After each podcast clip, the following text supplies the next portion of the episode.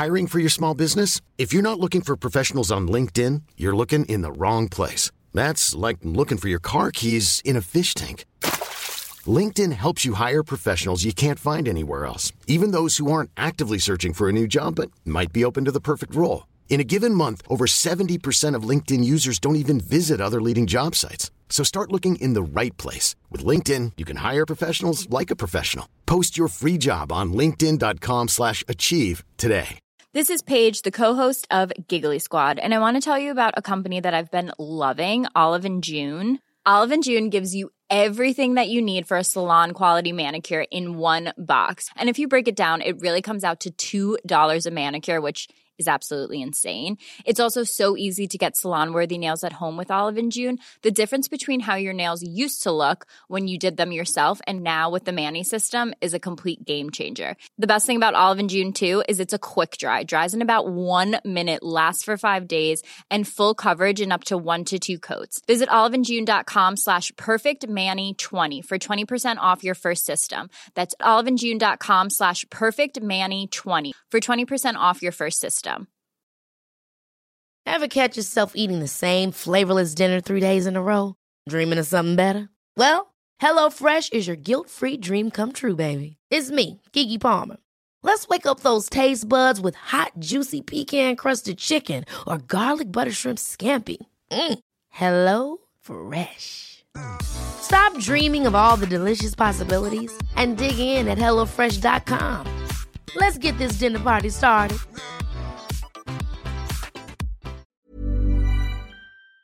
Og som adoptert, som man kanskje har havnet mellom disse to, da, det å være norsk og, og, og innvandrer, og at man kanskje har hatt mindre av det presset, og dermed ikke blitt tvunget til å velge en posisjon. da.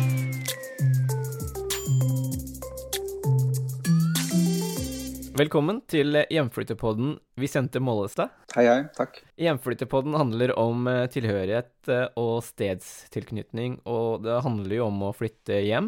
Men eh, det forutsetter at det faktisk er et sted som man ser på som sitt hjemsted. Og det høres enkelt og litt eh, romantisk ut, kanskje, mens det i virkeligheten er eh, mer sammensatt for veldig mange. Du kan ha bodd flere steder i oppveksten, du kan ha foreldre fra ulike land, og du kan føle deg flerkulturell, osv. Derfor er dagens tema adopsjon, og det er derfor jeg ville snakke med deg, Vicente. For i likhet med meg er du også adoptert til Norge. Du fra Bolivia, jeg fra Sør-Korea, og vi kom til Norge før vi hadde fylt ett år. Riktig. Og akkurat nå så sitter du i det gamle huset til Ibsen-familien i Skien, hvor eh, faktisk jeg også bodde i ett år, fordi du har fått Skien kommunes kunstnerstipend. Det stemmer. Og det er det samme som eh, min kone fikk for noen år siden. Du har blitt mer og mer involvert i den offentlige debatten om utenlandsadopsjon de siste åra. Du har vært eh, rundt omkring i, i verden, senest i Bolivia, som er ditt fødeland. Men som sagt så er du nå i Skien, som er da stedet dine adoptivforeldre er fra. Stemmer. Det er helt riktig alt du sier der. Jeg skyter inn at jeg også bodde en stund i Seoul. Altså jeg gjorde et uh, utvekslingsopphold på et år uh, i Sør-Korea, som uh, også en naturlig link til, til, deg, da. Vi må komme tilbake til ditt opphold i, i Sør-Korea, fordi du har jo vært lenger i Sør-Korea enn meg. La meg starte med et åpningsspørsmål som jeg har stilt mange av gjestene mine. Og dette spørsmålet er jo en klassiker for alle oss som er utenlandsadopterte. Hvor eh, kommer du fra? Ja, ikke sant. Det er jo som man hører og uh, måtte svare på opp igjennom. Og det har vel landa på noe sånt at jeg, jeg, er jo fra Bolivia, men oppvokst i Norge. Og det er jo det jeg pleier å svare. Hva med deg selv? Hva, hva svarer du når noen spør? Nei, nå sier jeg jo bare Askim, da. Ok. Men da vil jo, da vet jo, det vet du jo godt da, som utenlandsadoptert, at da vil du alltid være en sånn her eh, Egentlig? Ja. Hvor er det egentlig fra? Det ligger jo bak der at de har lyst til å spørre igjen. Hvis, hvis de er frekke nok, så, så, gjør de det. Du tenker at det er frekt å spørre hvor uh, kommer du egentlig fra? Eh, nei, jeg tenker mer Det er jo sjelden det er med en sånn vond eller ondskapsfull intensjon, men jeg tenker jo at det kan, opp, uh, det kan føles, eller oppleves, da, av den utenlandsadopterte som en slags utfordring av din egentlige tilhørighet. da. Mm. For min del så pleier jeg vel å si at eh, jeg er oppvokst i Askim, eller kommer fra Askim, og, og bare det er jo en slags uh, overrumplende opplysning for mange, for det, det er jo ikke alle som vet hvor det er heller. Men hvis ut fra sammenhengen da kommer fram at personen lurer på hvor jeg er født, Ja. da er jeg ikke vanskelig å be. Da sier jeg jo at jeg er adoptert fra Sør-Korea. Så kan det selvfølgelig komme noen oppfølgingsspørsmål av typen um, om man har vært tilbake. Det er også en klassiker, er det ikke? ja, ikke sant? Kjenner du foreldrene dine? La oss uh, gå tilbake til eh, det første spørsmålet. Hvor er det du uh, kommer fra, Vicente? Har du kommet fram til et standardsvar på det? For å møte liksom disse fordommene eller den fiskinga som du snakker om? Nei, Det har blitt mer diffust egentlig med årene, fordi jeg er jo adoptert fra La Paz. Men det er ikke sikkert jeg ble født i La Paz. Jeg ble funnet på et barnehjem, eller levert til et barnehjem. Jo, man vet egentlig ikke de hendelsene før dette, da. Eh, Da jeg var fire måneder cirka. Mm. Det er vanskelig å si hvorvidt det kan være noe forflytning der. Det er jo, La Paz ligger f.eks. tett ved eh, et sånn, det som før var en slags satellittby som heter El Alto, som har et mye større sånn, eh, hva heter det, altså urfolk, eh, urfolkby. da, Og er en, en hakket fattigere by, men mye urfolk der. Og det er mange av de som drar ned til La Paz. da, Det ligger enda litt høyere oppe enn La Paz, for å jobbe f.eks. Og det kan godt hende at det er derfra, f.eks. Sånne ting vet man jo ikke. Nå vet jeg ikke din historie sånn sett, om du vet nøyaktig hvor du er født og når. Men for meg så vet jeg ikke det, så det er bare en estimert fødselsdag og alder, sånn sett, og også hvor, da. Er, på, på passet mitt så står det La Paz. Det som du forteller nå om den uvissheten rundt uh, din egen historie, det er ganske typisk for mange utenlandsadopterte. For min del så var det litt enklere. Det var egentlig så enkelt som det går an for blitt, med tanke på informasjon om mine biologiske foreldre, og jeg fikk veldig raskt og enkelt uh, møte dem da jeg var i Seoul for noen år siden. Men det er nettopp det med at det er veldig uvisst for veldig mange at uh, den type spørsmål om hvor du kommer fra, kan oppleves uh, frekt. Det blir litt sårt å skulle snakke om det på den måten hvis man får et sånt direkte spørsmål om hvor du egentlig er fra, fordi veldig mange utenlandsadopterte har jo ikke et svar på det. Nei, så har de jo heller ingen forhold til det stedet. altså La Paz ja, Nesten like mye i dag som da jeg vokste opp på 90-tallet. Så er det jo, det er jo et ikke-sted i norsk sammenheng. Det er kanskje sånn et stoppested for noen backpackere gjennom Sør-Amerika. Men det er ikke på kartet på noen som helst måte, da, som kanskje er litt forskjell fra, fra Seoul da, eller Sør-Korea, som har hatt en sånn boom. Og, og, og, folk kan liksom plassere noen ting i forhold til hva som er sørkoreansk. Så det har jo vært sånn Man har jo følt at man ikke hatt så egentlig stor eller noen særlig grad av forståelse eller idé om, ja, om, om, det stedet og hva det vil si da, å være fra det stedet. Du er uh, utdanna kunstner fra både Akademi i Bergen og Sandberg institutt i Amsterdam, og har etter hvert uh, begynt å lage mye kunst om utenlandsadopsjon? Du finner blant de nordiske landene også en del kunstnere som har adopsjon som, som på det tema da, i, i sin kunstneriske praksis, men jeg vil jo ikke si at jeg hører blant de, de dealer jo på en måte direkte med temaet adopsjon, mens jeg kan jo si kanskje dealer med en del tema som er tilknyttet adopsjon, men ja. det er jo like mye tilknyttet noe annet, eller uh, sine egne felt, da. Ja, jeg skjønner. Man kan jo bruke sånne teoretiske begreper som displacement, som også kanskje kan leses inn i en slags postkolonial teori. Nettopp.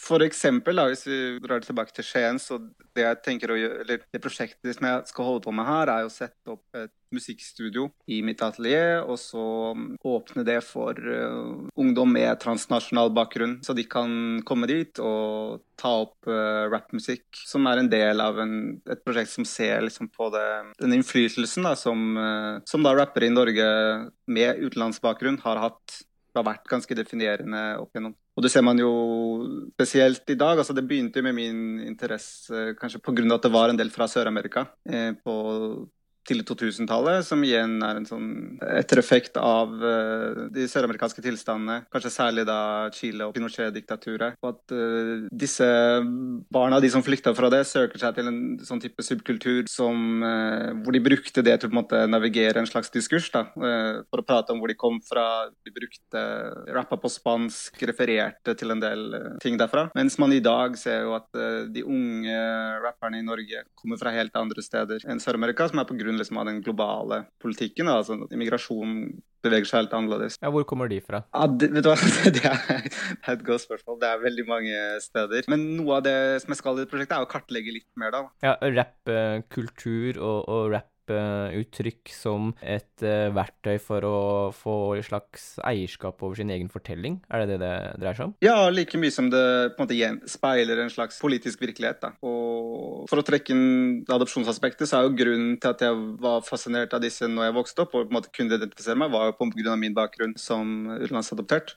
Mm. Så de tingene jeg søker mot, altså det ligger jo som bakteppe, da, min, min bakgrunn. Men, og jeg har jo litt sånn aversjon mot å bli kalt en kunstner som jobber med, eller om, tematisk med adopsjon. Ja, nå skremmer du vekk alle de potensielle kjøperne som hadde lyst på litt adopsjonskunst på veggen. Ikke sant.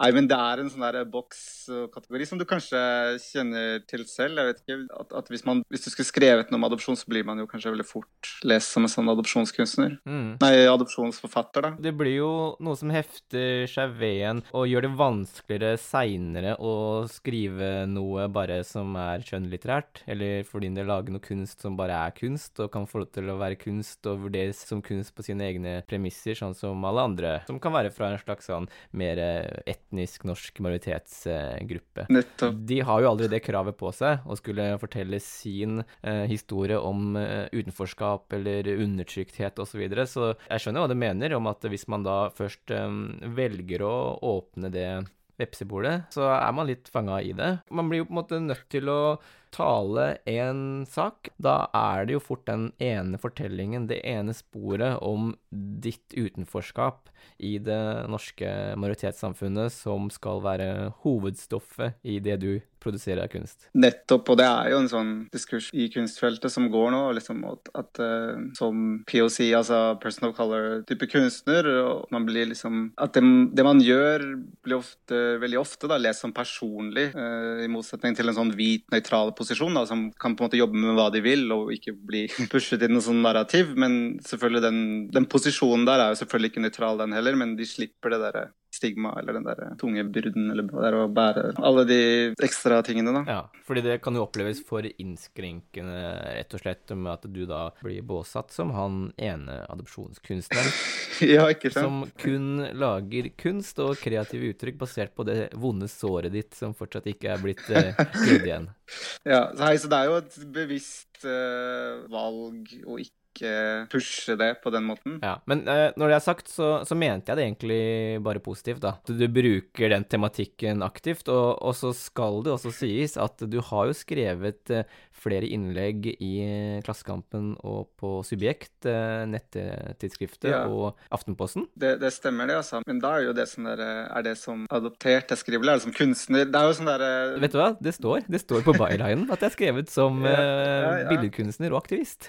Så, så det står at du er, eh, er den du er. Ja, nei, det, det, kom jo til et punkt hvor um, det ble på en måte uunngåelig, da. At man kanskje måtte gjøre et annet valg om å kanskje inkludere det på et vis. At, og, og, dette var da etter jeg faktisk var på et kunstneropphold i Sør-Korea. da. Det var egentlig på bakgrunn av en tur til et sted som het Kimhe, uh, som er et ganske lite sted, men som jeg hadde lest om en norsk utenlandsadoptert. At han hadde dratt til uh, Kimhe, til Sør-Korea, for å lete etter sine biologiske foreldre foreldre. Ikke funnet de, endte opp med å innestengt i et bitte lite hotellrom, drikke seg i hjel. Tok på en måte livet sitt der, da. Hvor det da ble en sånn uh, Ja, jeg begynte liksom å tenke rundt det og hva det vil si å dø i uh, sitt hjemland, da. Eller der man kommer fra. Som, uh, og også sånn utvidet da tenke på utenlandsadopsjon som en slags dødspolitikk, da. Som er en sånn sikkert hipt akademisk necropolitics som ord, da. Men, ja, du kan mange av de der uttrykkene. Men da kan jeg fortelle deg et sånn koreansk uttrykk om at reven drar hjem for å dø. ja, ikke sant. Liksom På bakgrunn av den turen så ble det en slags avgjørelse om å inkludere en slags tekstproduksjon rundt utenlandsadopsjon og død da, som tematisk i, i, kunstnerskapet. Og at det da ble en måte å kanskje rettferdiggjøre, bruke tid på det, men også å, å, å løfte en stemme rundt det. da. Mm. Og at man så på den ja, tekstproduksjonen rundt det som et kunstnerisk prosjekt. Da, og, og, så det er jo helt klart min egen skyld i den grad at man har skrevet disse tingene og har undertegnet det med sitt navn, selv om ja. Og du har ikke lyst til å bli stemplet som kun en sånn uh, aktivistkunstner eller adopsjonskunstner. Det skjønner jeg veldig godt. Veldig mye av uh, samtalen bør jo etter hvert dreie seg om det strukturelle rundt det med utenlandsadopsjon, som jeg vet at det er det du er mest engasjert i, uh, og du er ikke så opptatt av de personlige historiene som vi kjenner fra Tore Strømøy, og senest seinest nå på Lindmo så var det jo en som var adoptert fra Colombia. Ja, riktig. Allikevel så starta jeg vel med å spørre deg hvorfor valgte du å dra tilbake til eh, Bolivia? Fordi i Hjemflyttepodden så har jo på en måte jeg tematisert det med at jeg drar tilbake dit jeg kommer fra, men så er det kanskje bare halve sannheten, for jeg jo åpenbart også kommer fra et helt annet sted. Absolutt, og det er jo noe jeg reagerte på når jeg så Hjemflyttepodden. Altså, jeg har jo en sånn viss interesse av å følge med på andre utenlandsadopterte, hva de foretar seg. Og da ble det jo et naturlig nesten paradoks, da, altså, det, det å snakke om å flytte hjem men hvorfor han lager han ikke en podkast om å flytte til Sør-Korea? Det var jo sikkert det jeg tenkte. det var jo tema for meg eh, hele tiden at jeg også ville snakke om adopsjon. Og så skal det sies at eh, jeg har jo prøvd å finne noen lokale adopterte. Eh, det var ikke så veldig lett, altså. Og det er jo kanskje litt i tråd med det du også sier, at uh, mange utenlandsadopterte i Norge ønsker litt å gå under radaren. Du har brukt kraftige uttrykk, da, som at man har blitt hvitvaska og, og fargeblind og sånne ting, så det kan vi komme tilbake til. Men, men det med at uh, jeg valgte den inngangen, det er på en måte et bevisst valg man kan ta selv, hvor man ønsker å starte debatten. Så for meg så var det bevisst å starte den debatten med det stedet som er mitt uh, oppvekststed, og som jeg jo ser på som mitt hjemsted, Askim i Indre Østfold. Så det det var på en måte min inngang til hele den kompliserte røra. Og så har jeg nettopp uh, hatt lyst til å snakke med deg, for jeg har jo forstått at du har en ganske annen inngang til akkurat det spørsmålet. Og tilbake til hvorfor dro du til Bolivia? hvorfor? Det var vel um, sikkert noe som har bygd seg opp over tid. Altså, jeg hadde bodd i Sør-Korea som nevnt, og så på dette tidspunktet så studerte jeg i Amsterdam. Etter et år på, på masteren på Sandberg, så, så, fikk jeg liksom en sånn veldig trang til å dra. Litt sånn der, um, Nesten sånn eksistensiell greie om at man liksom Shit, jeg må jo se eller oppleve um, Bolivia, da. Hvis, før man uh, Ja, si man skulle bli truffet av en buss, da, noe så banalt på en måte, da, i, i morgen. At det hadde vært uh, veldig kjedelig. Og da gikk det veldig kort tid. Det høres ut som en kvartlivskrise. ja, det, det, man kan sikkert uh, finne mye årsaker til hvorfor, men det er jo skjønt også at det er jo veldig vanlig når man kommer litt opp i årene, faktisk, at det blir et mer uh, behov da, for å grave litt i de tingene. Og det er jo også noe man har sett tradisjonelt med adopsjonsanalyse eller kritikk, da, at det tar ganske lang tid da, før disse kidsa blir voksne da, og, og utvikler en interesse, men også en slags sånn vokabular da, for å kunne snakke om de opplevelsene de går gjennom. Og mener det var noe studie på det, men og da var det mener de sa noe sånn rundt slutten av 20-årene, så er det nok mye mer vanlig da å ta tak i det. Det er greit å ha sånn der eh, alderslimit for det for alle som hører på, som er utenlandsapoteker. Da, da er det på tide å slå til hvis det er eh, i slutten av 20-åra. Da er det å slå til. Slapp av hvis du er litt yngre, ja. da har du et par år til hvor du kan bare cruise. Men det er jo et sensitivt uh, tema. Jo, jo, og det er jo grunnen til at det er vanskelig å ta tak i det. Det er jo veldig komplekst, og det er jo noe man Jeg tror iallfall jeg selv skjønte tidlig, og at da blir det jo veldig sånn skal man liksom gidde å unpacke alt som, ja, alt som ligger i det. da. Du kan ikke bare åpne døra litt og så lukke den igjen. Hvis du først åpner, så må du virkelig gå inn og grave deg ned og gjøre et ordentlig sånn dypdykk i hva dette her innebærer, både på sånn privat, men også politisk eh, plan. Ja, det føltes i hvert fall sånn for min del, og, og som billedkunstner så har man jo kanskje litt for mye tid da, til å, til å unpacke noe sånt og problematisere og analysere. Ja, fordi ditt virke som kunstner, det er da hele tiden bakt inn i dette her? det er jo i hvert fall sentralt i den grad at det gir deg jo det rommet, da. Til å på en måte definere hva jeg synes er viktig å undersøke, da. Ja. Og da blir det jo litt sånn uunngåelig kanskje at de, to, at de to møtes, da. Den bakgrunnen og den interessen, men også min egen praksis, på en måte. Du sier jo at du ikke er adopsjonskunstner, og det er greit nok, men du bruker da mye av tida di, da, i hvert fall virker det som, på å sette deg inn i hva, hva det her går ut på? Nå kommer man jo mye til kjernen av måte, problemet med kanskje adopsjon som ord. da, For det er jo veldig mye, mange akademikere eller aktivister eller, som, veldig, som, mener at det er et veldig misvisende ord. For det sier på en måte ingenting om, ja, som du var inne på, en slags type displacement eller postkolonial praksis eller eh, rasistisk struktur, også, feminisme osv. osv. Det er jo bare et sånt begrep som på en måte har blitt coina av den industrien, da, som folk leser som noe positivt, kanskje noe humanitært osv. Skal vi egentlig bare først som sist uh, kjapt uh, finne ut hva du legger i f.eks. ordet displacement? Så har vi fått det ferdig eh, snakka. Ja, nei, det er jo en uh, slags sånn uh, nesten voldelig form for omplassering da, av, av fargede barn da, i, fra det globale sør. Mm til, til Vesten, er jo mye av det, det det, handler om. Og det er jo et, et, en struktur som, eller, som muliggjøres da, av globale ulikheter. Det går jo ikke andre veien her. altså. Ikke, Norge driver jo ikke og adopterer barn bort til, til Sør-Amerika eller til Sør-Korea. Nei, det var jo et morsomt uh, kunstprosjekt med en dansk kunstner. Du kjenner jo vel til henne? Ja, uh, Jane Jean Kaisen. Ja, for hun lagde noen sånne iscenesatte bilder hvor det var da nettopp noen asiatiske foreldre som hadde adoptert uh, hvite danske barn. Ikke sant? Det er ikke vanlig kost å se det? Absolutt. altså på, på, den tiden òg så var det jo liksom Ja, det var nok viktig. Men, men da kommer man litt tilbake til det vi snakket om tidligere. Da, at da blir det jo veldig adopsjonskunst. Og da, da, kan man jo kanskje nesten ikke klage på det, eller i den grad man, man ville gjort det, da. At man blir kalt adopsjonskunstner eller kunstner som jobber med adopsjon. La oss gå videre til neste begrep, postkolonial teori. Hva legger du i det? Nei, Det er vanskelig å snakke om et, et helhetlig felt. altså Man må se på de individuelle landene. Man ser på den lokale diskursen, har, har mye å si. Altså de politiske forholdene innenfor hvert land. da. Mm som avgjør det.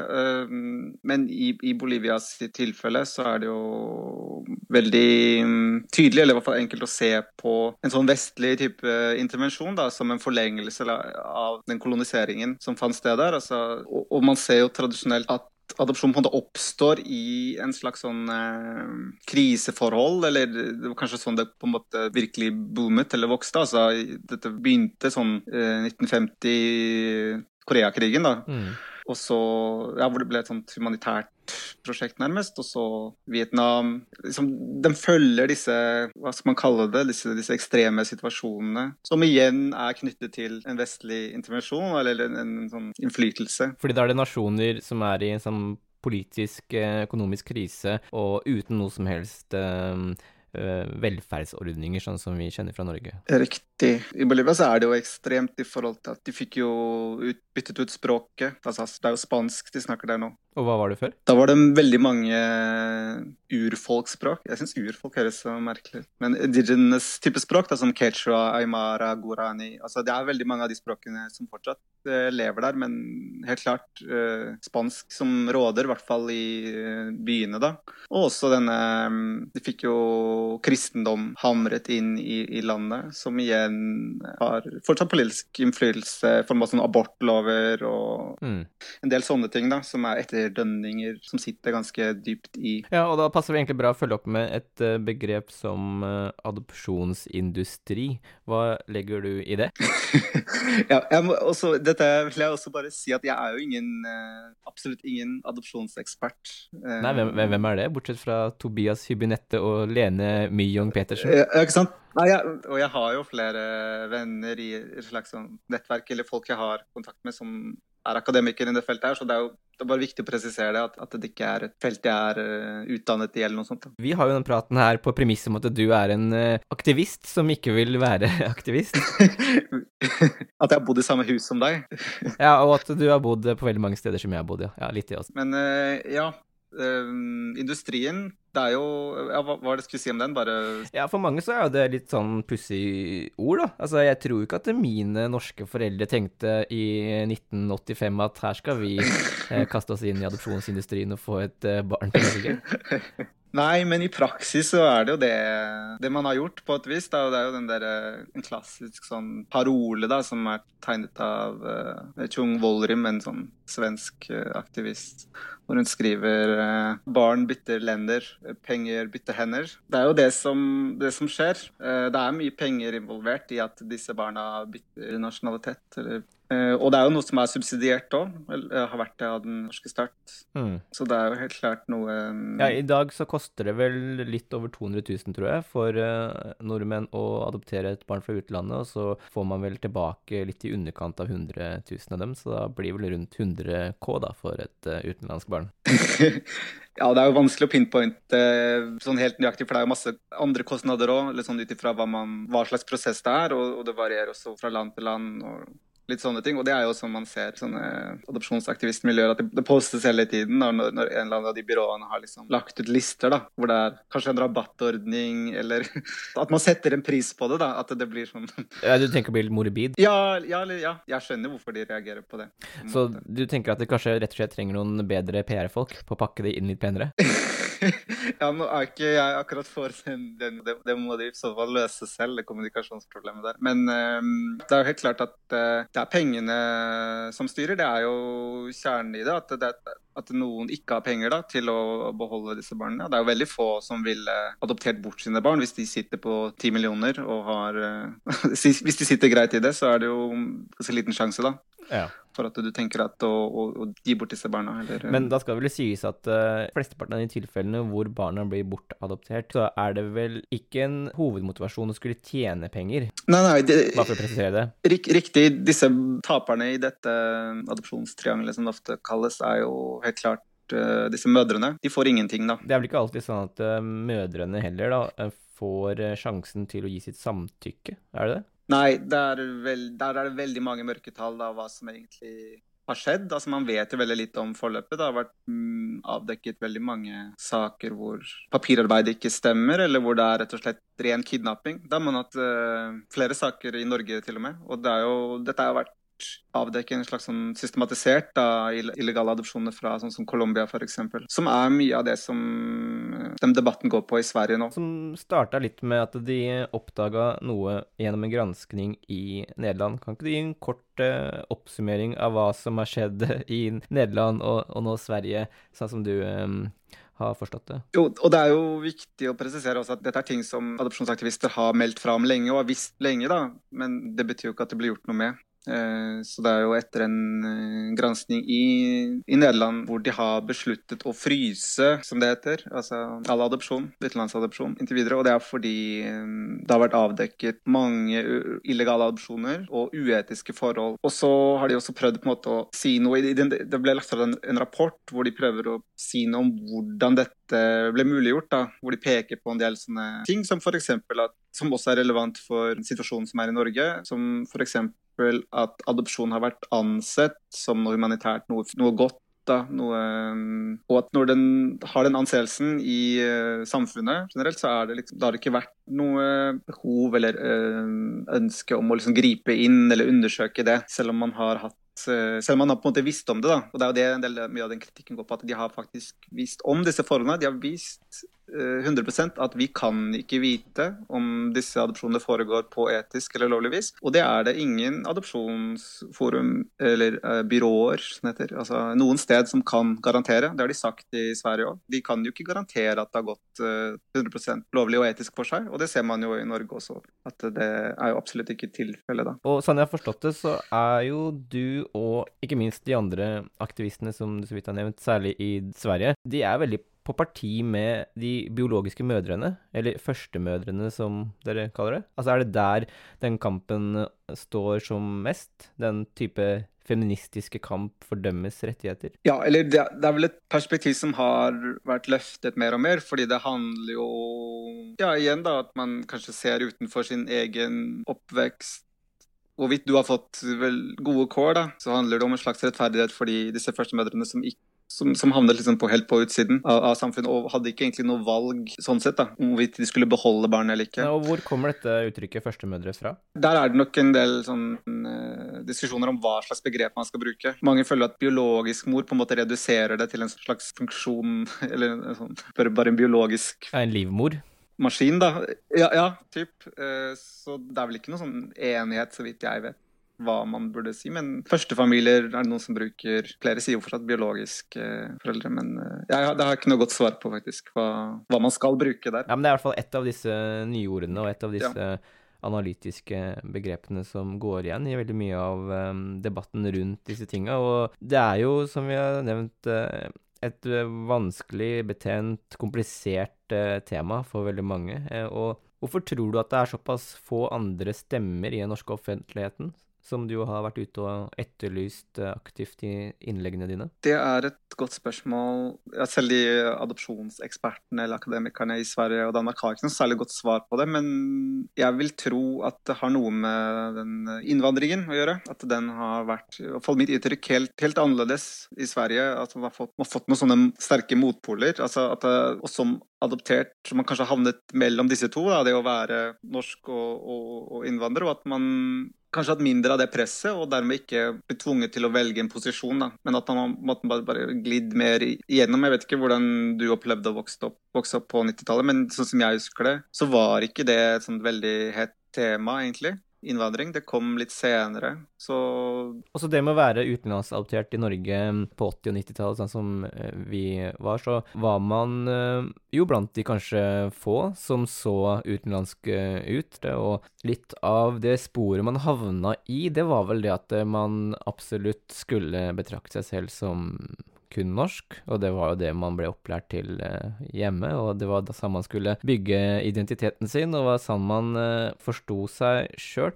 Men hvis man ser litt tilbake på det, så er det jo også tydelig for mange utenlandskadopterte at man egentlig ble en slags sånn yndlingsinnvandrer i eh, hvite Norge, fordi, som du sier, de andre innvandrerne, de har jo ofte to eller flere kulturer å forholde seg Riktig, til. og det er jo noe av det ja, som vi nevnte før. Tobias Hubinett, akademiker fra Sverige og utenlandsadoptert, har øh, jobbet med i det siste, hvor han på en måte ser på hvordan utenlandsadopsjon ble brukt som et politisk verktøy, da, nettopp for å kanskje mykne den, en slags overgang. Altså Sverige fra å være lukket til å bli globalisert. Og som du sier, da, vi innvandrere før innvandrere. Man kan jo nesten tenke seg til at det ble mer et problem når man begynte å kjenne på innvandringen, for da blir man jo plutselig gruppert med denne gruppen som er, blir kanskje ansett sånn veldig som et problem, da, som trøbbel.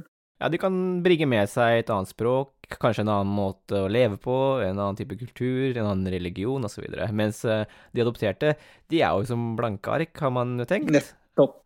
Og da ser man jo, det ser man jo veldig karikert i Sverige, hvor SD har liksom teamet opp med adopterte. Har de en del sånne kampanjer og sånn, som igjen, som det du sier, at de vil da se på disse adopterte som de er helt svenske, de er ikke farlige.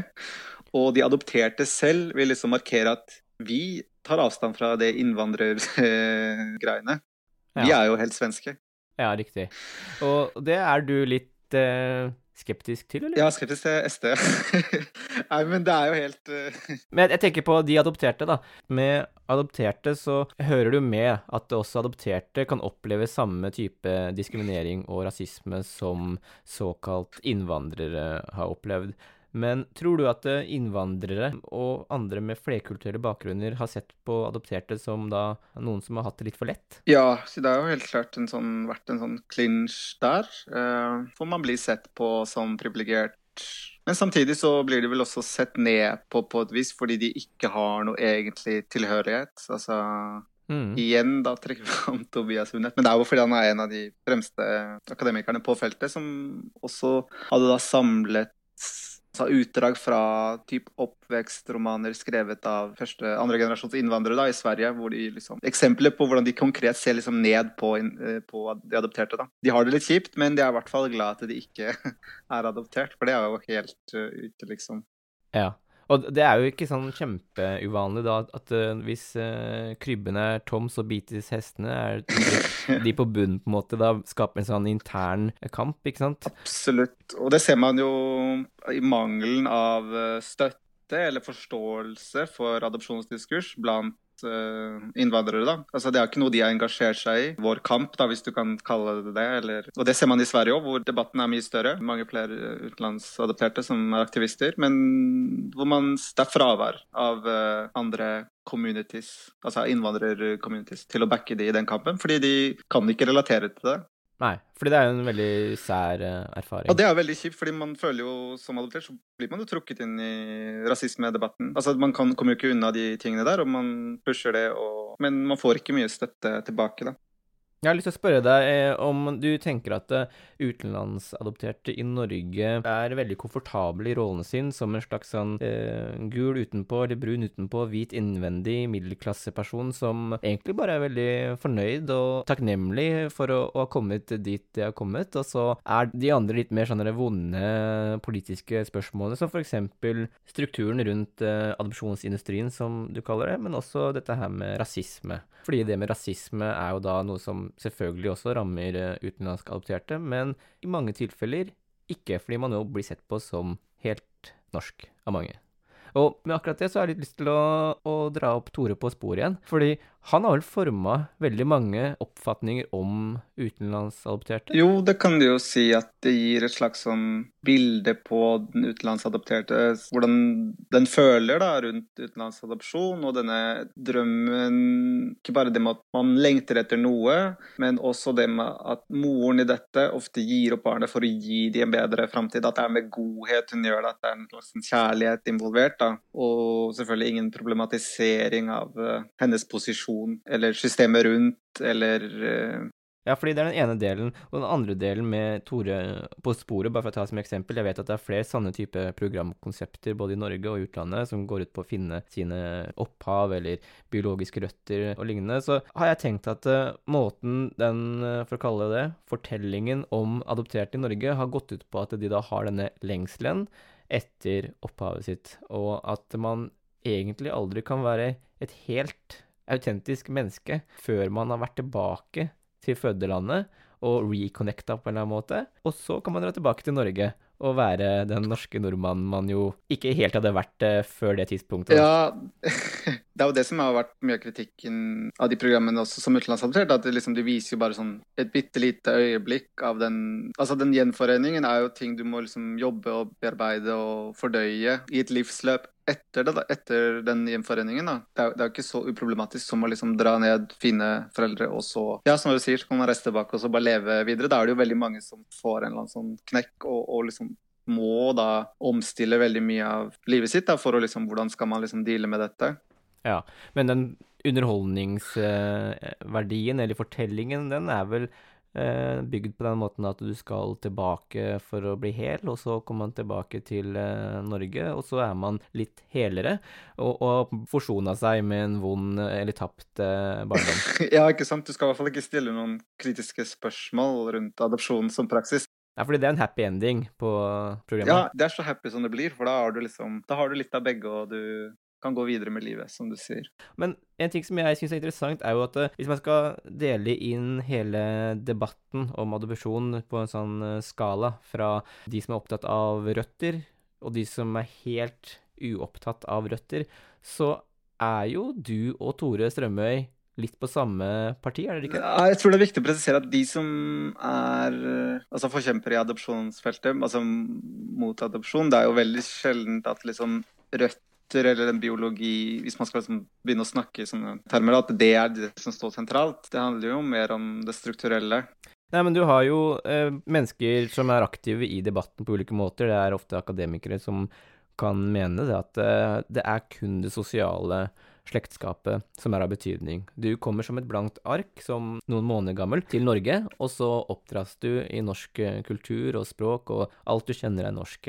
Du har ikke noe boliviansk eller koreansk i deg lenger. Og så har du jo de som da, f.eks. eksempel Tore Strømøy, sånn som i hvert fall programmet viser at eh, de røttene man har, eh, har blitt kutta, og de røttene må leges ved å gjenforenes med det biologiske opphavet. Og da har jeg forstått at du er litt mer i den eh, båsen hvor man faktisk eh, ønsker å bli gjenforent, eller ønsker å oppsøke de såkalte røttene. Ja. Det er flere adopterte som kan leve et helt liv som adoptert og aldri ønske noe som helst kontakt med fødelandet. Ja, men det er jo en slags fornektelse, og det er jo Jeg tror jeg sendte deg også en sånn tekst av en annen adoptert. Jeg vet om flere akademikere som har skrevet om det fra ulike hold. Det er jo blant annet ei som heter Signe Howell, ja, hun har fått en del kritikk. Hun har adoptert, da, så hun er ikke helt uh, nøytral, da, det må sies. Jo, jo, men da har man jo de to, um, to leirene da, som jeg prøvde å skissere opp, uh, bare for å gjøre det litt uh, enklere å forstå for de som ikke er helt inne i detaljene her. Og ja. hun er jo blant de som mener at identitet og tilhørighet, slektskap, er sosialt konstruert. Ja, hun får spørre dattera si etter hvert, så får vi se Nei da, men altså det da, da, representerer du det andre fløyen som mener at det ikke er så enkelt? Ja, absolutt. Det er jo det virker, Sånn som i den teksten jeg sendte til deg, hvor det var en adoptert akademiker som uttalte seg så om bl.a. det der med ensemblen og sånt som Man så ikke poenget da med at de sørkoreanske adopterte skulle liksom dra tilbake til Korea. De kunne like gjerne dratt et helt annet sted. Mm. Og det blir jo helt sånn Det virker som han bare levde i total fornektelse. For han, han liksom innledet med å si at han har aldri vært i Korea.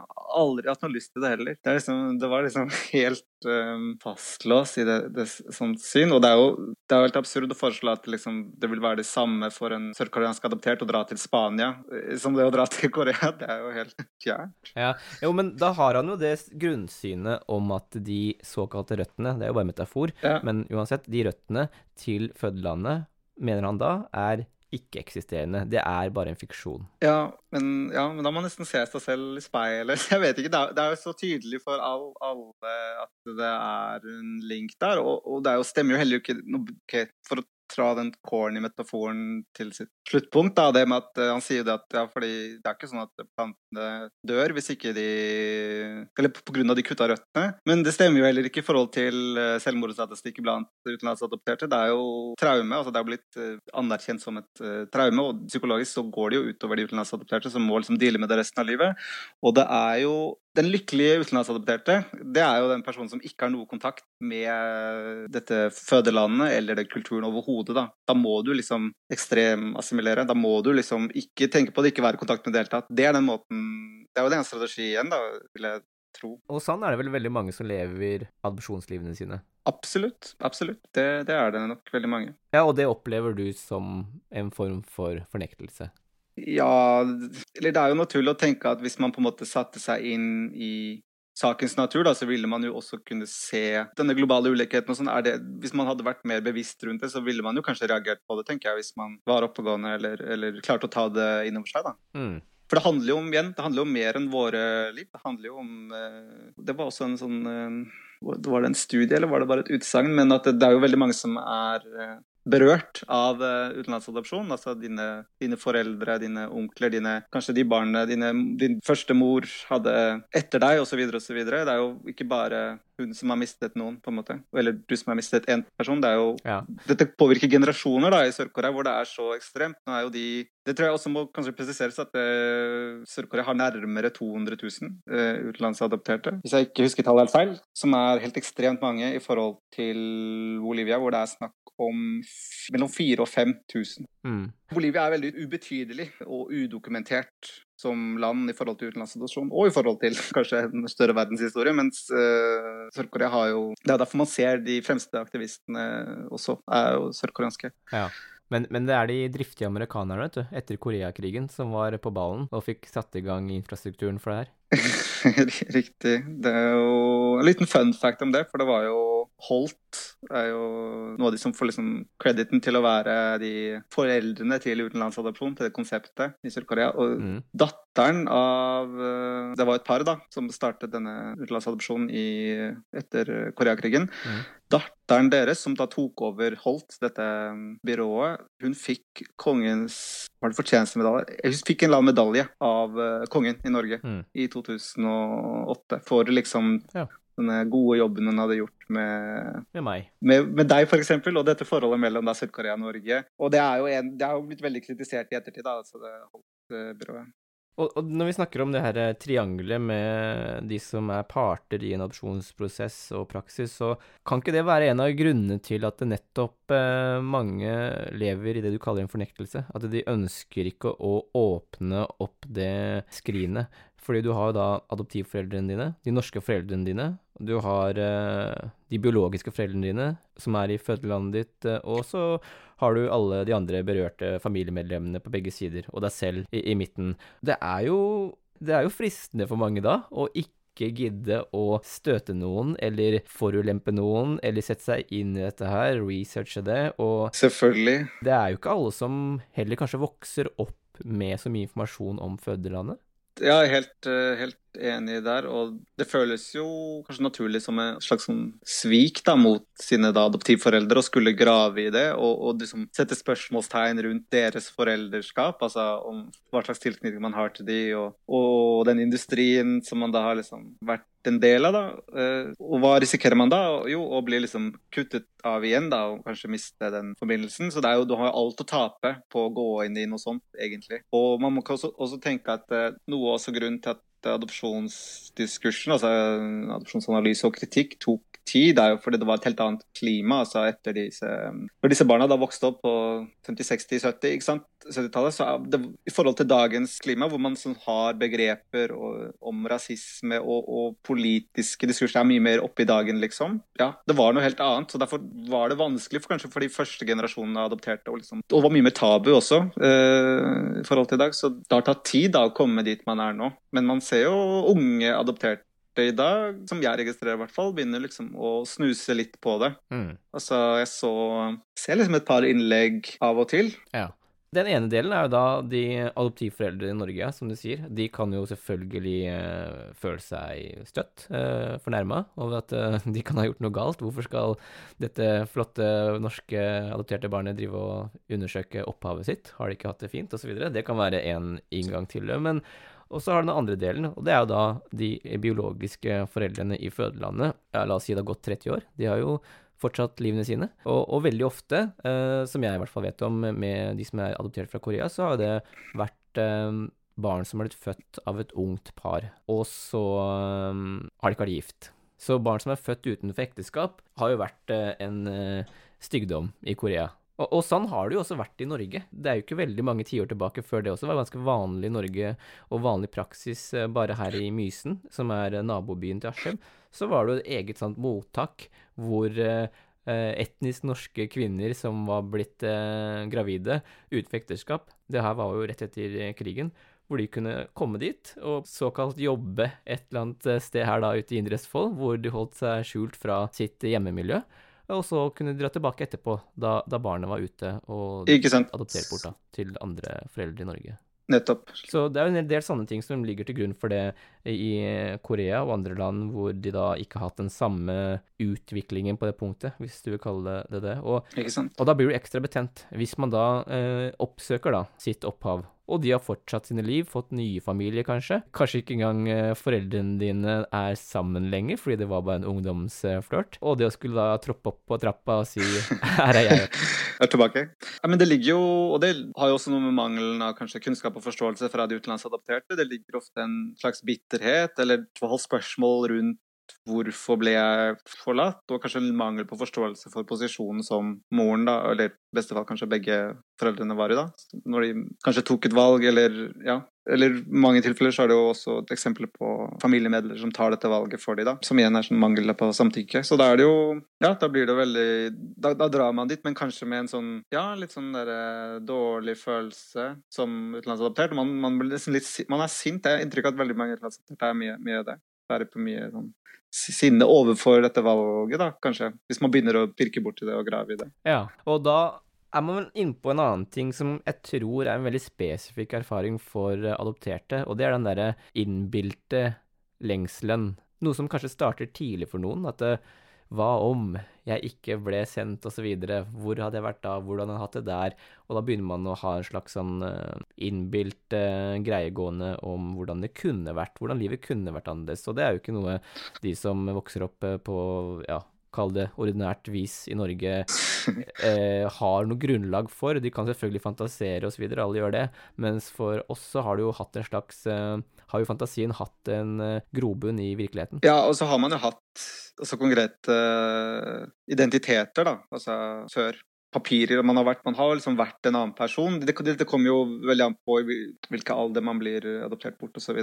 Men det er jo mange som har hatt altså reelle liksom, mindre oppvekster, da, hvor de har liksom ja. vært flere år og hatt et annet navn, kunne snakke litt osv. Så ja, så da blir man jo veldig tidlig introdusert for den splittelsen. At man egentlig har to identiteter. Man har eh, en påbegynt oppvekst et annet sted. Eh, I alle fall de som kommer til Norge når de er tre, fem, sju år. Ikke sant. Hvis man husker barnehjem og mor og sånn, så er det jo jeg, jeg skjønner, Nå gjelder jo ikke det meg, for jeg ble jo adoptert før jeg var ett år, men liksom, jeg kan jo skjønne at det er ganske heavy å skulle ha det, liksom, det bildet, da. Ja, sånn som jeg og du, vi er jo kanskje blant de mest sånn, attraktive uh, adopsjonsbarna som da blir adoptert uh, før de er ett år, som jo på en måte er en slags prime-alder, er det ikke? Jo, der tror jeg det er mye, mange teorier om hva som er prime. Men det går på dette her med assimileringen? Ja, ja, men også, også det med om er det bedre å liksom bli avkuttet fra moren med en gang, eller er det bedre å få litt nærhet med henne og så flytte på barnehjem, hvis du skjønner? For hvis du aldri har hatt den der helt nærheten, så vil jo det også kanskje gjøre, den, gjøre noe med deg, da. Alt gjør noe med det.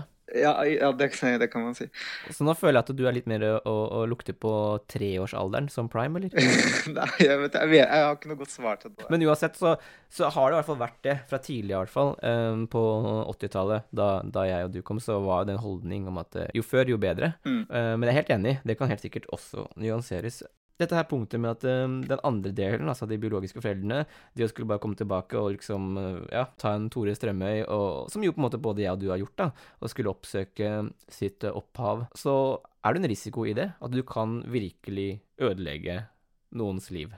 Fordi man vet ikke hva de har uh, gjort de siste 30 åra, og på hvilken måte de har forholdt seg til hele hele det temaet, som skjedde da for 30 eh, pluss år siden. Men det kan jeg jo si sånn personlig. For meg så var det jo ganske bevisst og det å skulle liksom, dra tilbake, ikke for å søke etter uh, biologisk slekt, da, men for å opprette en, en slags sånn eget, eget, forhold til det stedet og det, den kulturen og det språket og landet, og for å ha en, sånn, en forståelse om det. Og det, det, var noe som jeg følte jeg måtte igjennom før man skulle eventuelt begynne å søke etter noe, noe dypere, da, liksom for å kunne forstå den konteksten bedre og sånn. Fordi det er jo, igjen da, hvis man ser på de Tore Strømme-greiene, så er det jo de aller færreste har liksom noe ordentlig forhold til de landene de drar til. Dette er første gang de drar tilbake, liksom. Så de har jo ingen peiling på ja, de forstår rett og slett ikke den, den virkeligheten eh, som de kommer til. da. Og da klarer du jo heller ikke å forstå den posisjonen til den eventuelt den eh, biologiske familien som de finner. da.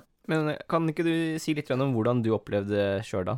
Eh, hvordan er det du ble introdusert for ditt opprinnelsesland eh, fra, fra, starten av? Ja, hva skal man si om det? Det er jo Man Som sikkert ikke er helt uvanlig, er at foreldre har sånne type foreninger seg imellom, hvor de arrangerer et sånn type treff, da, hvor man møter andre adoptivkids. Ja, det var jeg også på, men det var bare med andre fra Korea. Hva med deg? Var du med koreanere eller bolivianere? Nei, bolivianere. Å oh, ja, så det var eh, etnisk renhet? Mm, ja, riktig. Ja, og hvordan var det?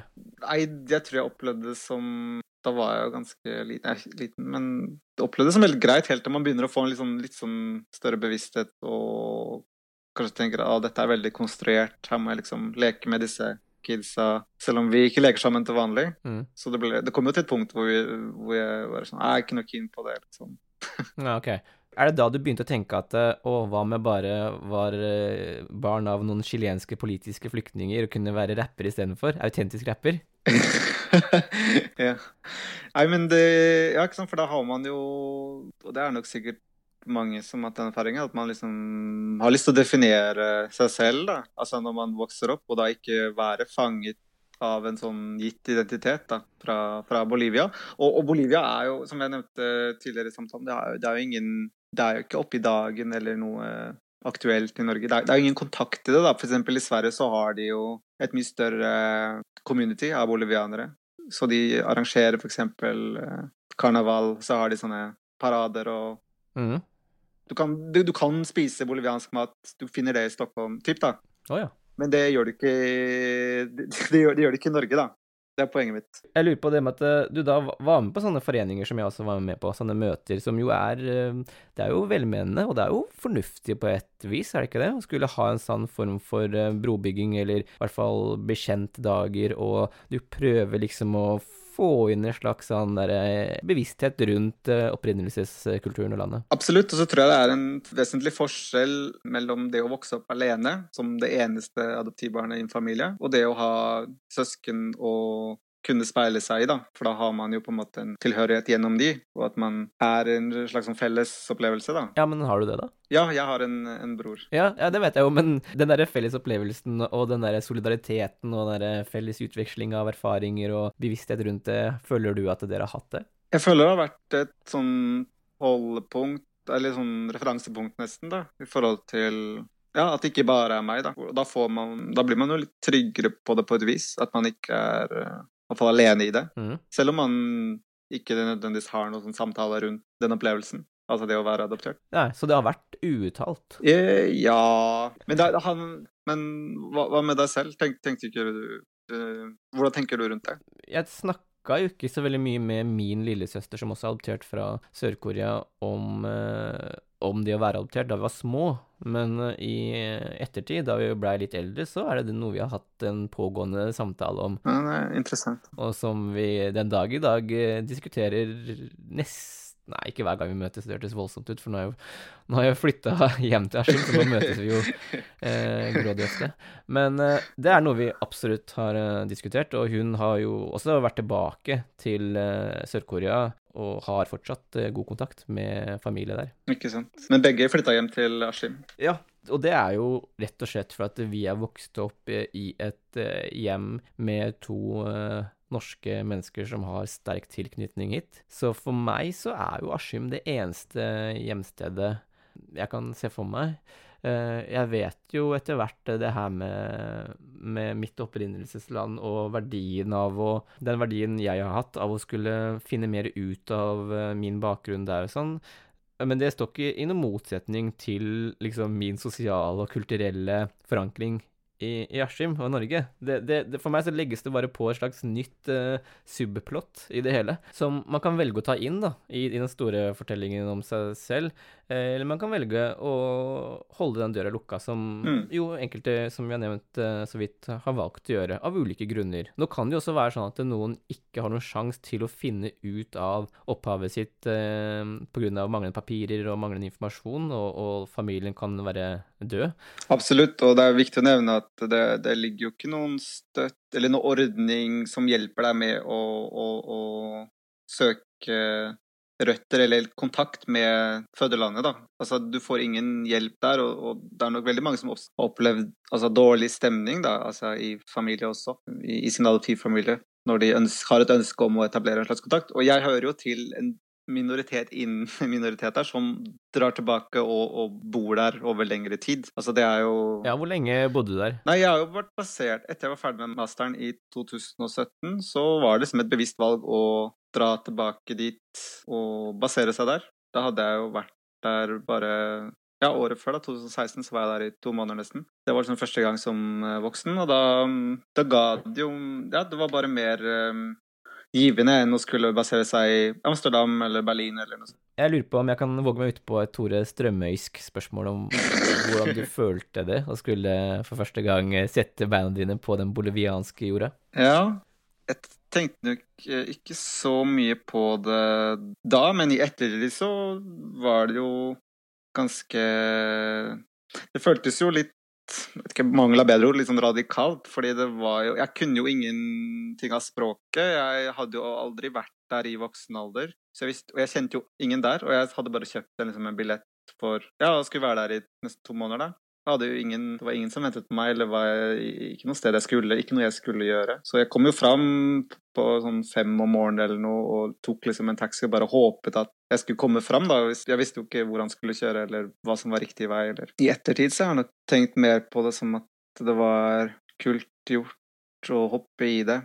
Men jeg hadde jo liten forståelse om hva jeg gikk til, på en måte, selv om jeg var vant til å eh, navigere i utlandet, da. Ja, det var jo spesielt. Det var ikke noe sånn der uh, stort sjokk på en måte. Det var uh... Men det kjentes uh, spennende, da. Altså, det var jo et helt nytt sted. Og så har man en tydelig tilhørighet, det vil jeg si, da. Sånn liksom Litt tilbake på det man snakket om med røtter og sånn. Så er det jo bare den enkle fakten at liksom folk ser ut som deg. Altså man, man er ikke lenger den minoriteten. Og det blir mye mer ty... Ja, kroppen på en måte blir politisk på en annen måte i det at man kan Den sier jo noe om hvor man er fra, nesten geografisk også. Og man ser ut som man er fra den byen. Altså Bolivia har ganske mange forskjellige De har liksom La Paz er høyt oppe i fjellet. Det er 3005 pluss meter over havet. Det er en annen type folk som kommer derfra, enn de som kommer fra lavlandet, da, som er tropisk eh, varmt osv. Ja.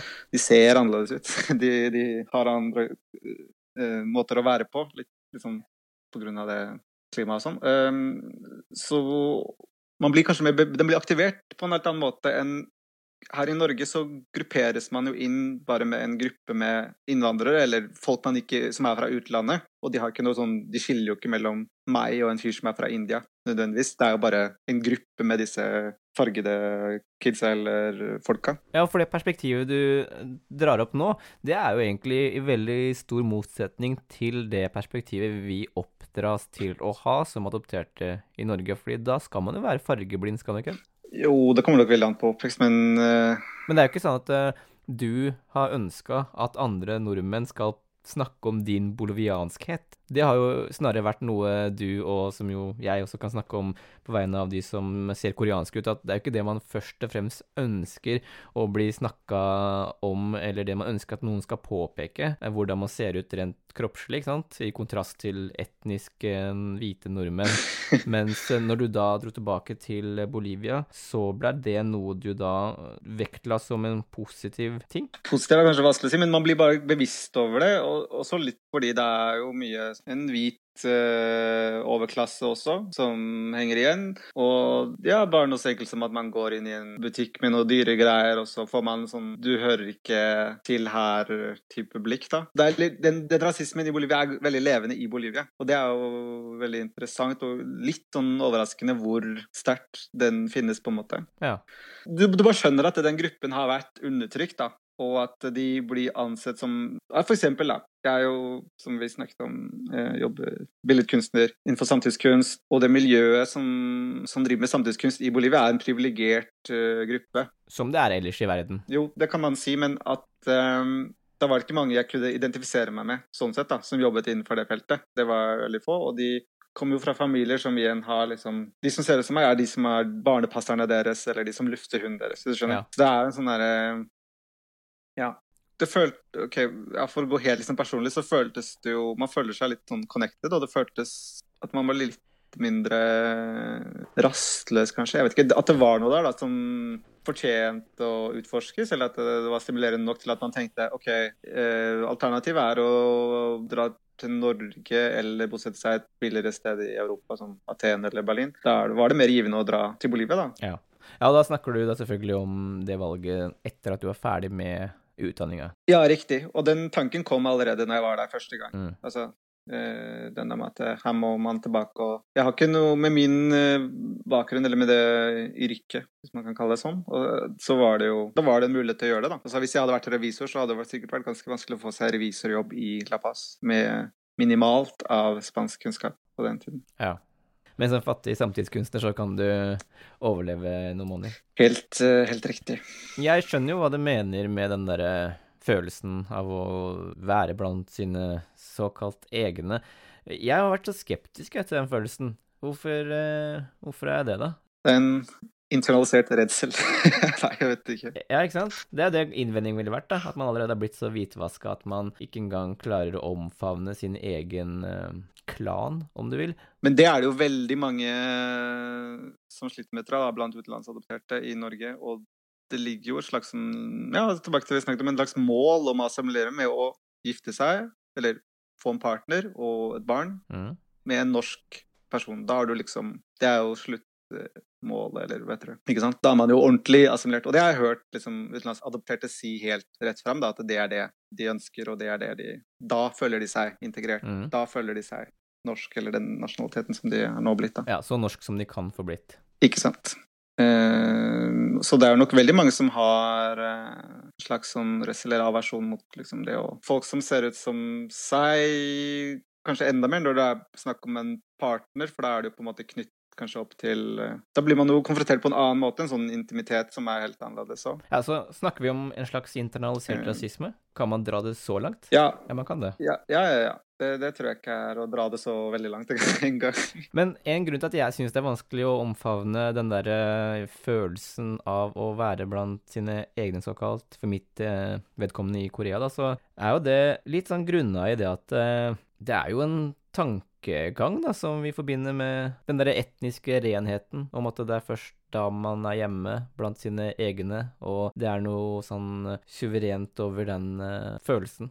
Nei, jeg knytter nok ikke til det. Altså, det er jo mange andre Det er mange referanser man kan ha på adopsjon. Altså, det er jo ikke den første vestlige intervensjonen hvor man tar barn ut av, av disse av communities, da. Sånn som Native Americans i, i, USA, som er kanskje en større parallell. I hvert fall for min egen del så, så, kan jeg jo se den. Og igjen disse lokale diskursene igjen, da. Hvordan man behandlet urfolk ja, verden over. Typ samene, hvor de omskoleres og, og ja.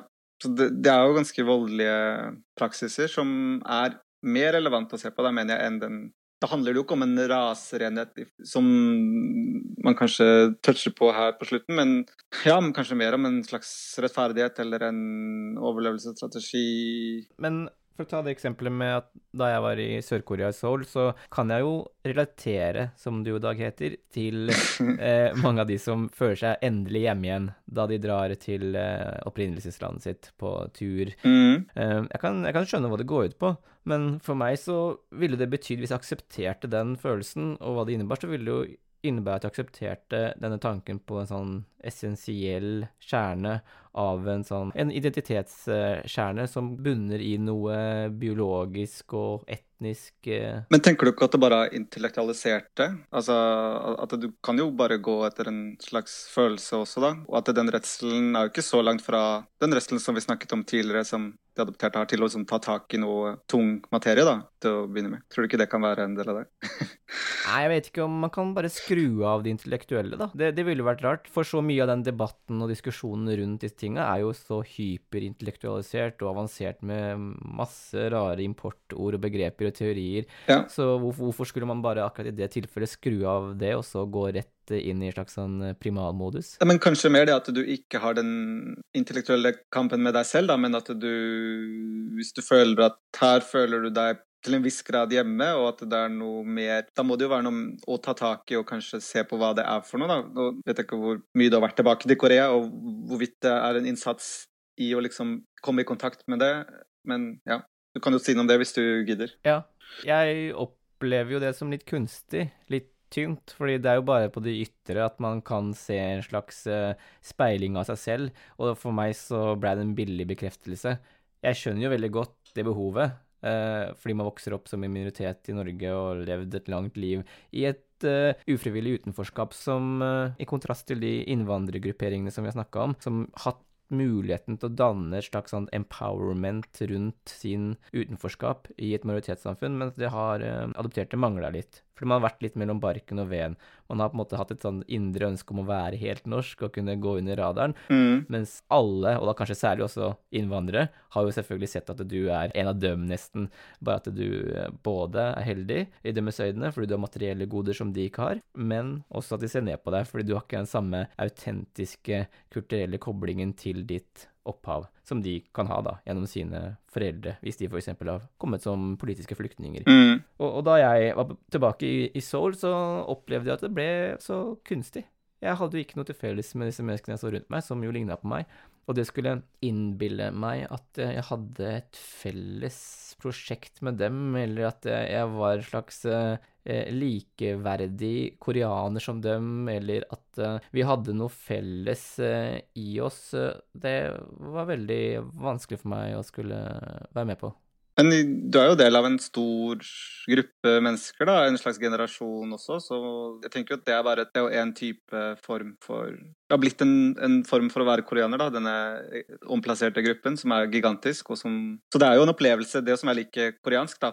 Akkurat den grupperinga og, og, den identiteten, hvis det er det det har blitt, det er jeg helt enig i. Det har en egen, det har en egen verdi. Og, og det er jo et miljø som jeg vet om, men som jeg aldri har vært i kontakt med, for det har jo faktisk blitt et eget miljø, både i Seoul men også i andre land eh, som barn har blitt adoptert fra, vet jeg. Men i Seoul så er det da et miljø hvor det er blitt samla en del uh, adopterte, mm. og som lever uh, på en måte nye liv der. Kan ikke du fortelle litt om din innsikt i det miljøet, og hva det går ut på? Det kan jo bare egentlig spekulere i akkurat de personlige grunnene til hvorfor folk gjør det, men det er nok noe med det samme at de fører en slags tilhørighet, men også en nysgjerrighet rundt, rundt å finne ut hva det er for noe. da. Altså du ja, sånn som du sier, at det er eh, At du kan liksom føle kanskje tilhørighet med den adopterte gruppen, men at du ikke har felles med de koreanerne som på en måte bor der og lever der og har gjort det. Men det ligger jo fortsatt til grunn Altså, Korea ligger jo fortsatt til grunn for at du ble liksom født, eller at du kom til dette punktet, da. Og, det, og den politikken som var der, den stigmatiseringen også, som dine biologiske eller førsteforeldre, hva du kaller det, har levd gjennom. Og som de fortsatt er berørt av.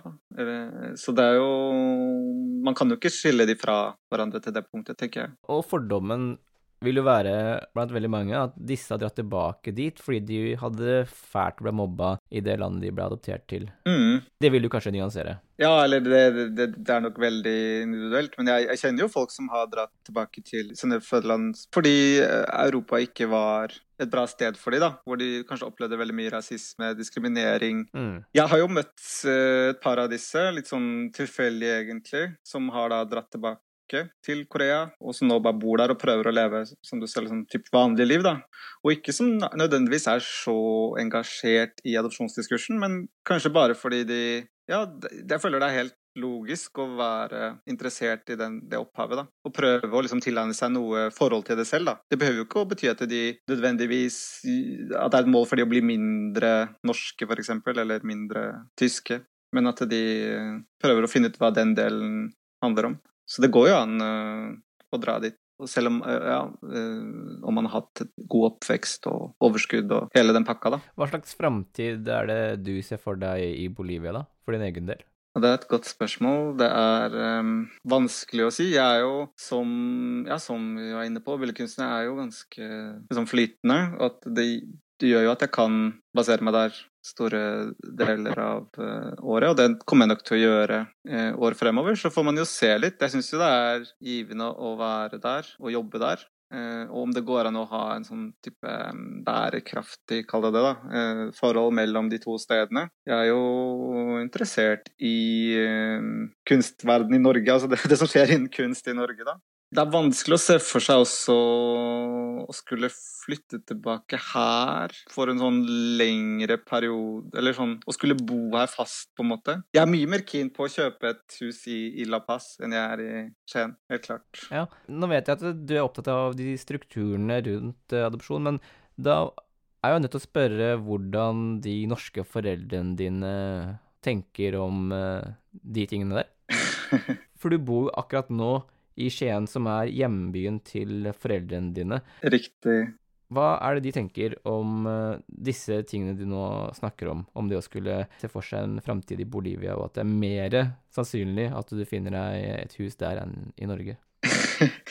jeg tror de er, de er, godt vant med at jeg bor i utlandet, da, og, og, at jeg søker meg til de tingene som er eh, relevant eller stimulerende for meg. Uh, jeg tror nok de er ja, greit innforstått med det. Og så for min del så har de jo vært litt sånn støttende i alt jeg har lyst til å drive med. Og det har nok kanskje gjort at det har vært et overskudd der til å gå inn i adopsjonsanalyse og adopsjonskritikk. Nå, det blir jo helt teoriserende i forhold til de som Men jeg vet jo at det er mange som har hatt veldig mange tøffe kamper med adoptivforeldre. Og det er jo naturlig kanskje å tenke at de, de mest hardcore aktivistene er de som har hatt liksom totalt brutt med sine foreldre og sånn. Jeg hører jo ikke til den gruppen. Nei.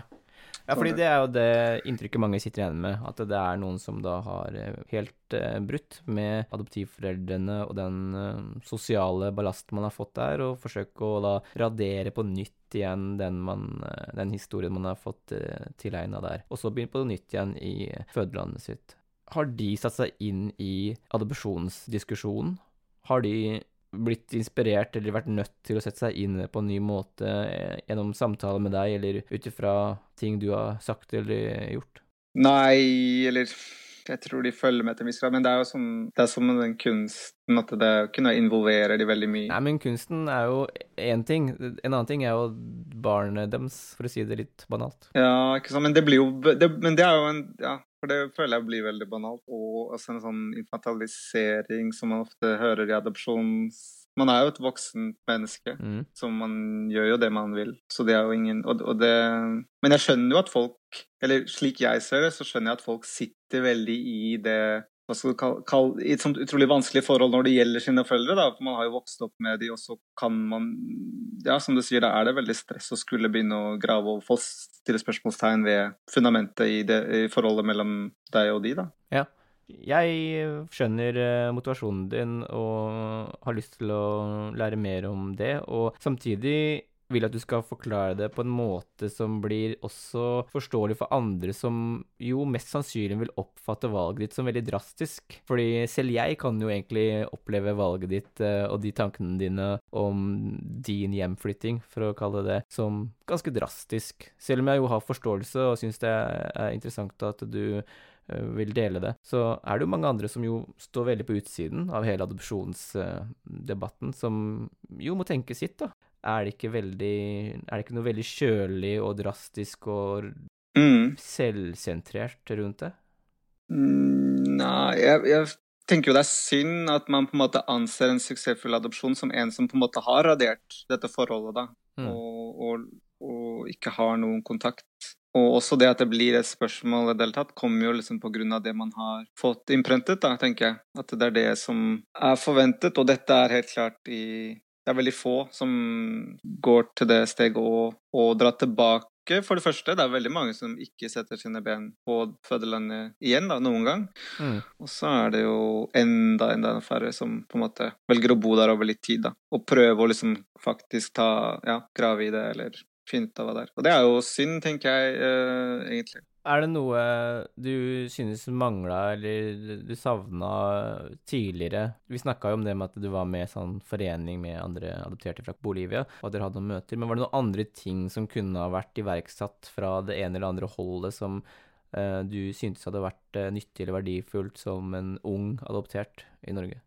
Nei, det er veldig vanskelig å si, fordi det er en hel gruppe med adopterte som jobber for etteradopsjon, altså oppfølging av adopsjonen. Mm. Men jeg hører nok til den gruppen som mener at den kampen på en måte undergraver, eller på en måte saboterer litt for en større diskurs om adopsjonsstopp. da. At det, det handler om reform, det handler om å pusse på et system og enable liksom de prosessene fortsatt. Så det, og, så det er jeg jo ikke så veldig interessert i. Ja, for du har jo inntatt en veldig tydelig posisjon, og det er at du ønsker at det skal bli stopp på all form for eh, transnasjonal adopsjon. Eh, Og eh, det er jo et eh, syn som du også sier i praksis kommer til å bli realisert, enten man vil det eller ikke, fordi man har sett på at det er en tydelig nedgang i antall adopsjoner de siste åra, og at mange av de fattige landa jo er blitt rikere, og kanskje har fått en annen bevissthet rundt den praksisen. Absolutt. Det er riktig, det. Hvilken kamp er det å kjempe da?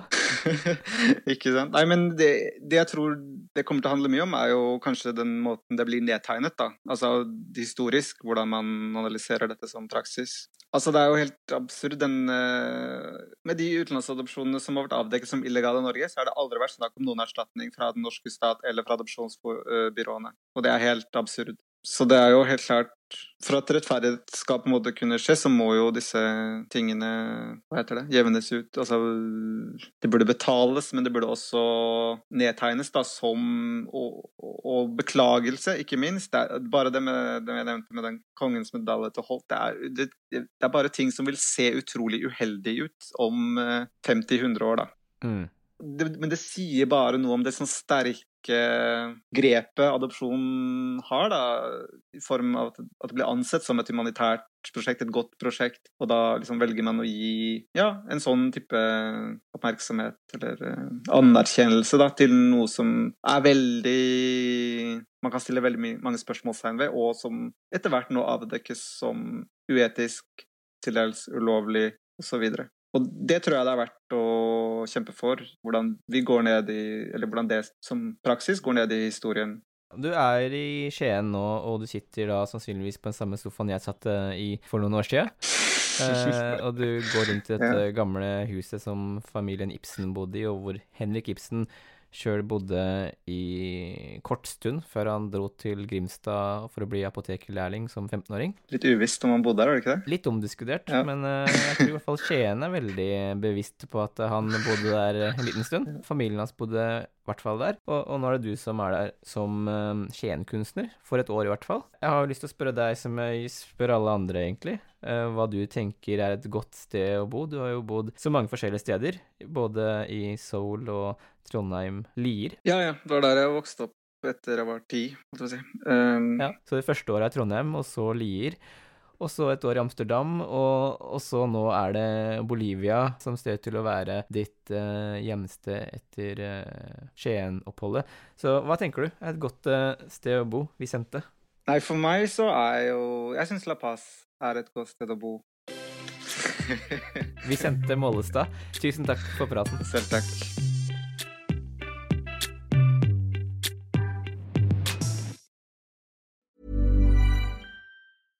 Ever catch yourself eating the same flavorless dinner three days in a row?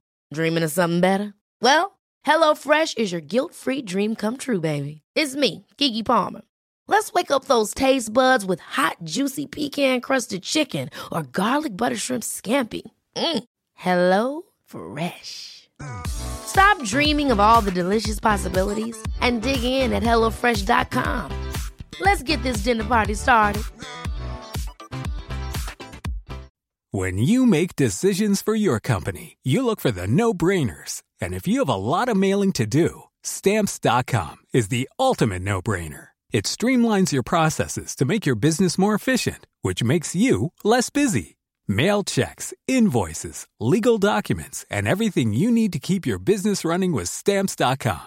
Seamlessly connect with every major marketplace and shopping cart. Schedule package pickups and see your cheapest and fastest shipping options from different carriers. With rates up to 89% off USPS and UPS rates. And with the Stamps.com mobile app, you can take care of mailing and shipping wherever you are. Make the same no-brainer decision as over 1 million other businesses with Stamps.com. Sign up with Code PROGRAM for a four-week trial, plus free postage and a free digital scale. No long-term commitments or contracts.